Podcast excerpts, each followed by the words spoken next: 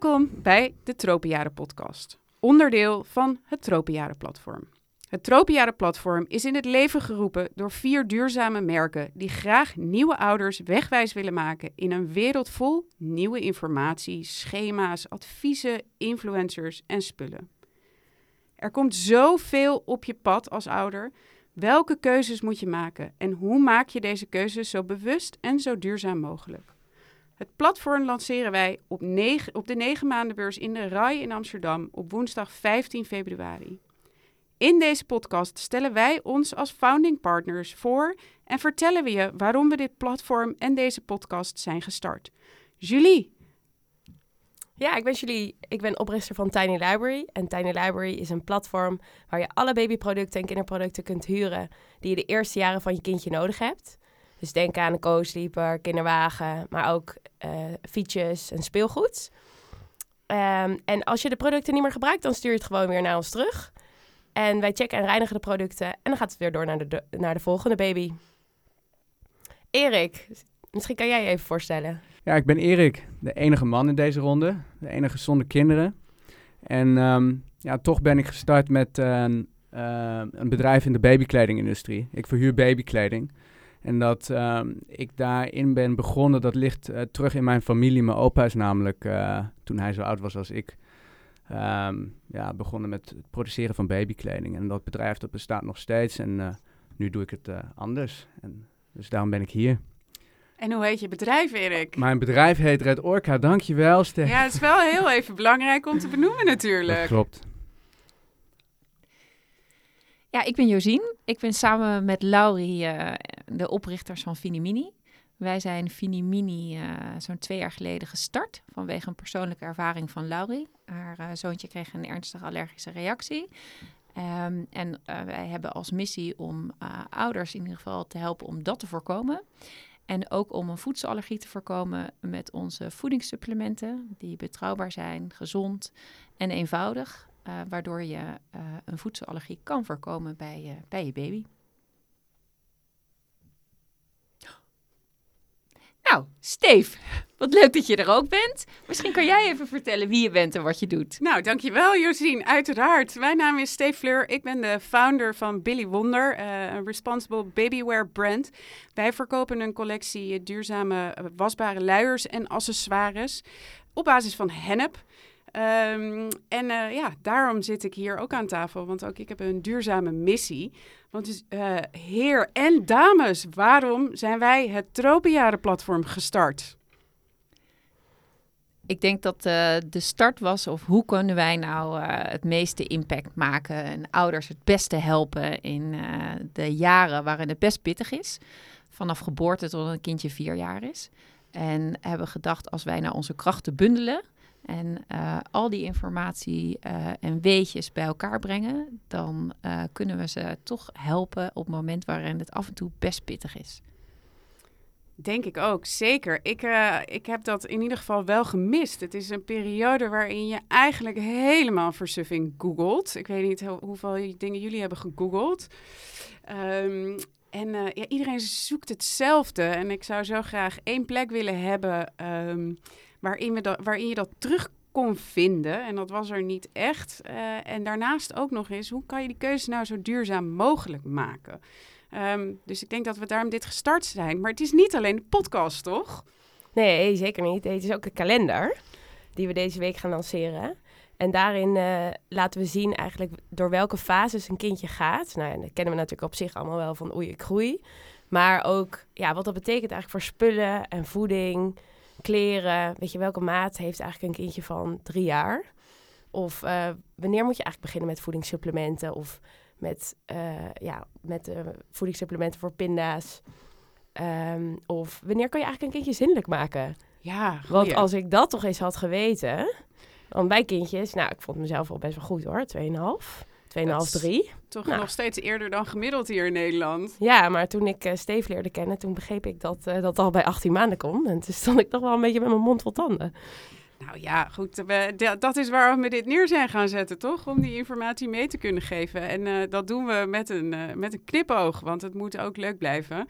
En eh, vooral niet een soort maffia worden dat we met een vingertje naar elkaar aan het wijzen zijn. Erik, volgens mij word jij de allerbest voorbereide vader straks. Ja, dat denk ik ook. En als ik naar mijn vrienden kijk, dan, eh, die, die hebben al meestal kinderen, dan ehm, zie ik ook de gebrek aan informatie, vooral voor mannen of voor wordende vaders. En daar denk ik ook dat het Tropenjaren-platform juist zo'n leuke ja, toevoeging is. Omdat ze daar gewoon alles kunnen leren over wat er eh, ja, nodig is. Ja, en ik heb alles al in huis. Als Ja. het eh, een keer zover is, inderdaad, ja. Je hoeft niks meer bij te kopen. En eh, heeft, hebben die eh, vaders om jou heen jouw duurzame missie versterkt? Ehm, eh, dat heb ik altijd al. Ik merk wel dat.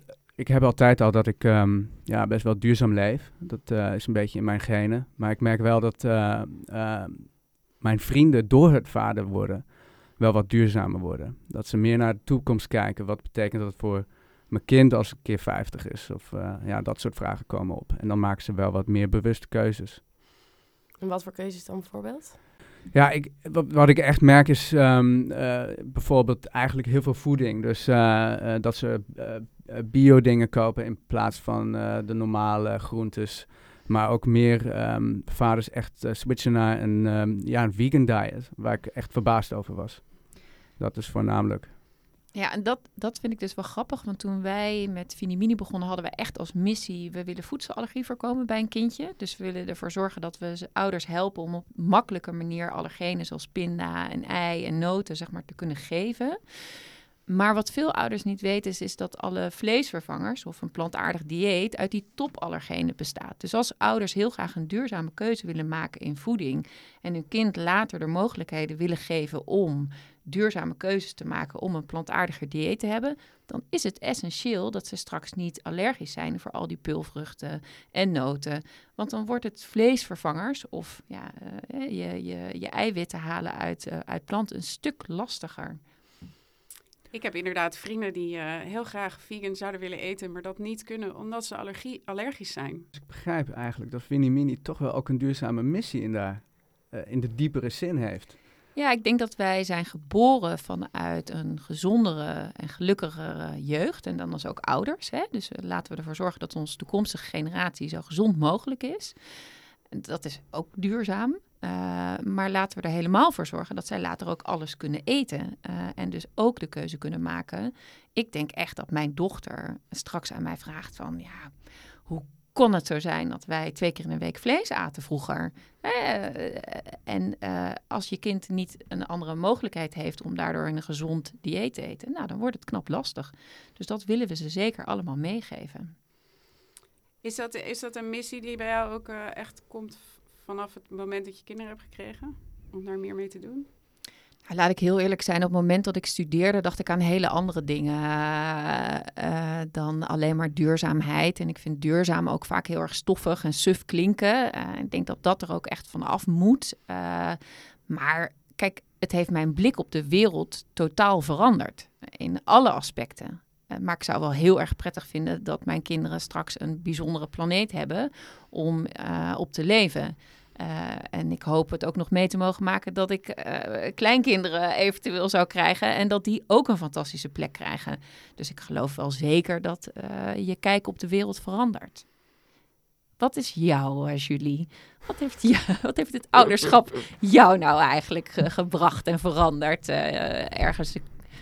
Ja, nou ja, ik sluit me daar heel erg bij aan. Ja, bij mij heeft dat ook wel... Uh, nou, ik dacht, had met name dat, met, ook met mijn werk, dat ik wel dacht van... Ja, jeetje, weet je wel, ik ben best wel veel van, van huis. Ik ben niet bij mijn kinderen, ik besteed mijn kinderen uit. Uh, maar laat ik dan absoluut wel iets doen wat dan bijdraagt.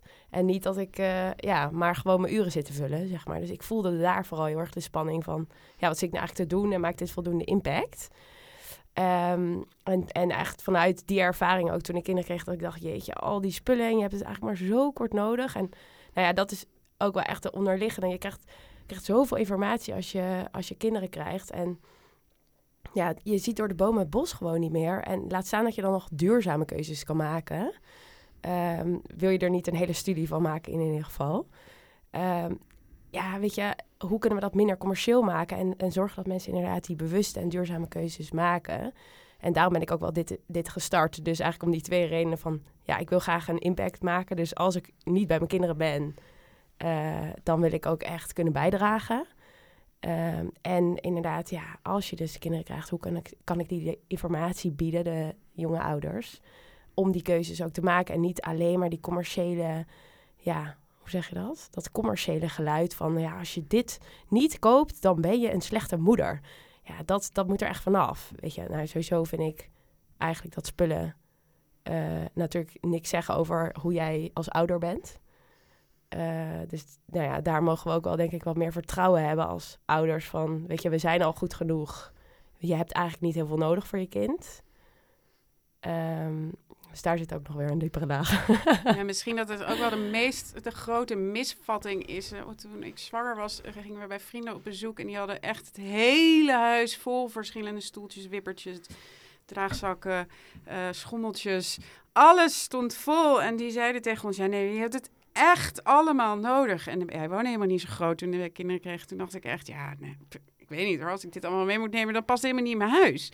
Dus eigenlijk ook uit ruimteoverweging hebben wij helemaal niet zoveel aangeschaft in het begin. En dat was ook prima. Ehm, als je één vervoersmiddel, dus of een draagzak of een kinderwagen, is eigenlijk ook al best oké. Het hoeft niet en een draagzak en nog een draagzak en een kinderwagen en een buggy en aan alles te zijn. Het is gewoon een beetje een mix van, van wat bij jou past, denk ik, en in je levensstijl. Ja, ik denk dat ik heel erg merkte dat op het moment dat je in een bepaalde fase zit, dat je pas echt begrijpt wat je nodig hebt of wat je niet nodig hebt. Een klein voorbeeldje is, we hadden een box in de kamer gezet tot uh, grote frustratie van en uh, mijn vent en van mij. Want dat lelijke ding, dat nam natuurlijk veel te veel ruimte in beslag. Uh, en als ik daar mijn dochter, overigens later ook mijn zoon, dacht even neer te kunnen leggen om mijn handen vrij te kunnen hebben, nou, dat was helemaal niks. Dus achteraf gezien, het is dat we de box van mijn broer hadden gekregen, maar hè, hadden wij uh, helemaal geen box in huis hoeven te hebben. En dat zijn meer van die dingen waarvan je denkt, ja, hartstikke leuk uh, een jurkje, maar als je baby alleen maar ligt, dan heeft het helemaal geen zin. Dan kan je net zo goed de broek aantrekken. Of, nou ja, dus vaak kom je daar gewoon... En ieder kind is ook weer anders. Want de een vindt een draagzak fijn. En of je borstvoeding kan geven, ja of nee. En of je dan wel of niet een kolfapparaat hebt. Je bent gewoon best wel afhankelijk in een bepaalde fase hoe dingen gaan. En, um... Ja, en dat is denk ik ook wel heel goed om te realiseren. En daarom is het ook wel uh, natuurlijk heel afhankelijk per kind en per ouders. Kun je ook niet heel goed tips geven daarin. Want inderdaad, iedereen moet gewoon voor zichzelf ervaren wat werkt. Maar daarbij dus wel aangeven. Ja, dus niet ieder kind vindt een wipper fijn. Of ieder kind vindt het fijn om in een box te liggen. Of ieder uh, huis past een grote kinderwagen. Misschien past voor jou wel veel beter een buggy. Of, ja, en zo geldt het eigenlijk voor alles. Hè? Er is niet een één waarheid en één perfecte optie. Maar Steve, misschien moet jij even vertellen waarom jij Billy Wonder bent begonnen. Waarom ik Billy Wonder ben begonnen? Oh, dat is eigenlijk best een grappig verhaal. Ik ben uh, van huis uit documentairfotograaf, dus ik reisde heel veel voor mijn werk. En ik was in Californië en het was eigenlijk ver voordat ik uh, moeder werd. Toen was ik ook echt nog niet mee bezig. Maar daar zag ik een kind in een wasbare luier lopen. En toen dacht ik, nou, dat ziet er toch zoveel toffer uit dan een wegwerpluier. Voor mij is een wegwerpluier onbewust kennelijk gewoon altijd ja, een wrap plastic geweest. Want dat is uiteindelijk waar we onze, onze kinderen dan instoppen. En ik dacht gewoon, ja, dat wil ik. En uh, toen ik uiteindelijk een aantal jaar later zwanger raakte... en uh, mijn man is veel, nog veel duurzamer dan ik... Uh, die zei, daartegen zei ik, ja, ik wil wasbare luiers. Zei, ja, Jos, prima, gaan we doen. En dan zei ik het tegen mensen om ons heen en zeiden echt, gadverdamme, waar begin je aan? Wacht maar totdat die baby er is. En dat kost zoveel tijd en je hebt geen idee. La die la die la. Toen dan zei ik altijd terug, ja, maar weet je hoe het eruit ziet? Ja, is toch zo'n doek met ons spel. Toen zei ik, oh nee joh. Is de jaren zestig, toen reden wij in een Deux. We rijden inmiddels in een Tesla. Ook die luier heeft wel wat ontwikkelingen doorstaan. En um, toen ging ik een beetje onderzoek doen en toen dacht ik, ai, dat outdated image wordt eigenlijk vooral bevestigd online in plaats van ontkracht in alle informatievoorziening die er is. Ik ben fotograaf. Ik word moeder, dus ik ga minder reizen. Oké, nou dan uh, ga ik uh, een wasbare luierwinkel oprichten. Dus dat heb ik gedaan. Maar was dus en eigenlijk. Hoe? Ja, maar was dus eigenlijk helemaal niet uit duurzaamheidsoogpunt. Daar ben ik dan wel echt heel eerlijk in, want ik vond het gewoon mooier. Maar hoeveel eh, afval heeft een eh, baby ongeveer aan luiers eh, gedurende zijn eh, leven? Nou, het is 22 kilo per kind per maand. En eh, gemiddelde leeftijd tot zinnelijkheid is dus eh 3,5 tot 3. Eh, ja, 3 tot 3,5 op het moment. Dus eh, nou, ik heb Dit dat... goed gedaan hoor, Julie. Ja, Yes, toch wel. toch wel. Ja, nee, dus dat, dan, zo lang zitten ze in de luiers. Dus volgens mij is het iets van 1000 kilo per kind... wat je bespaart aan afval met wasbare luiers. En oké, misschien heb ik ook echt wel 5 kilo we- wegwerpluier afval gemaakt... want het is niet zwart-wit, hè. Je hoeft niet alleen maar altijd wasbaar te doen als je wasbaar gebruikt. Je mag ook echt wel eens een, een wegwerp pakken. Heb ik ook echt wel eens gedaan, dus helemaal oké. Eh, en eh, we raden ouders ook aan. In het begin, als je net moeder wordt, is er zoveel, eh, komt zoveel op je af. Dus ehm, eh, start lekker met een wegwerp. En als het dan een beetje, beetje begint te settelen allemaal, pak dan pas die wasbare luier. Want je moet er even aan gewend raken. Geef het eh, twee weken, je weet niet meer beter. En dan scheelt het je dus in de long run eh, anderhalf à twee jaar luiers verschonen. Ik heb voor mijn twee kinderen minder luiers verschoond dan de gemiddelde ouder voor één in Nederland. Dus dat is echt best wel een aanzienlijke tijdswinst. Ja, heb je dat wel eens uitgerekend? Hoeveel uur je daarmee bespaart? Zeven en een halve dag around the clock. Ah, Dat is best veel dat is tijd. best veel. Hey, Ja. en Erik, een gewetensvraag. Ja. Zou jij dan die poepluiers Mhm. In de wasmachine stoppen met jouw gehuurde babykleding of jouw eigen witte overhemden? Mm. nou, ik denk dat ik hem zou samelen. Ik heb te- ten eerste heb ik niet zo'n hele grote wasmachine. dus die is snel vol. Ehm, maar ik denk ik zou ze apart houden. En ik denk, ik wil nog één ding, ja, dat vraag ik me nog af, is eh, die, die wasbare luiers, als ze van hem zijn, kan ik me voorstellen dat ze ook, ja, misschien kan je ze nog voor een andere baby gebruiken of je kan ze recyclen. Hoe zit dat eigenlijk? Ja, je kan ze voor, eh, ze gaan gemiddeld drie kinderen mee. Mm. Dus je kan ze drie kinderen lang gebruiken, zo ongeveer 4 tot 500 keer. En eh, even, voor, even voor de goede orde, de poep gaat natuurlijk niet in de wasmachine, want er zit een lekker inlegvelletje in. Dus dat gooi je zo eruit en pas dan gaat het in de wasmachine. En dat doe je inderdaad apart, dus even met koud eerst. En eh, daarna kunnen ze gewoon bij eh, textielrecycling. Ja, nice. Ja, dat is ook heel belangrijk. Zeker, ja. qua dus, duurzaamheid. Ja, uiteindelijk eh, moet het ook weer terug. Eh wij zeggen altijd, we're, we want to make products that the planet is happy to take back. Ja, mooi. Mooi. Erik, hoe, eh, jij, we- jij hebt nu zoveel informatie gekregen. Hoe zou jij je nu voorbereiden op het ouderschap? Ja, ik heb het gevoel dat ik al voorbereid ben. Ehm, en ik denk wat ik voornamelijk zou doen is... ehm, ja, ook, ook niet al die eh, informatie die, die op, een, op één keer op je afkomt eh, in te nemen. En gewoon vertrouwen ehm, ja, dat ik een goede vader word en ben. En dat hoop ik ook voor mijn partner in dat geval. Ja. En wat zijn nou de grootste... want Ik kan me ook wel voorstellen dat je soms eens wel aan de zijlijn staat te kijken en denkt... Ja, maar ik heb zo... Ik, dat heb ik Dat ga tenminste ik gedaan. echt nooit dat ga doen. ik echt nooit doen! Ik ga echt nooit met mijn neus tegen zo'n tegen zo'n luier aan zitten en daar dan aan ruiken. Of nog erger, met Oh, zo'n vinger zo aan de zijkant kijken of er iets in zit. Daarvan dacht ik echt, nou, dat ga ik echt nooit doen. Ja. Nou, is toch wel eens voorgekomen. Ja, ja bij mij ook. De kind van mijn zus. Ehm, maar ik denk, ik zou nooit... Ik heb altijd gezegd, ik zou nooit tegen mijn kinderen schreeuwen. Ik zou nooit tegen mijn kinderen schreeuwen.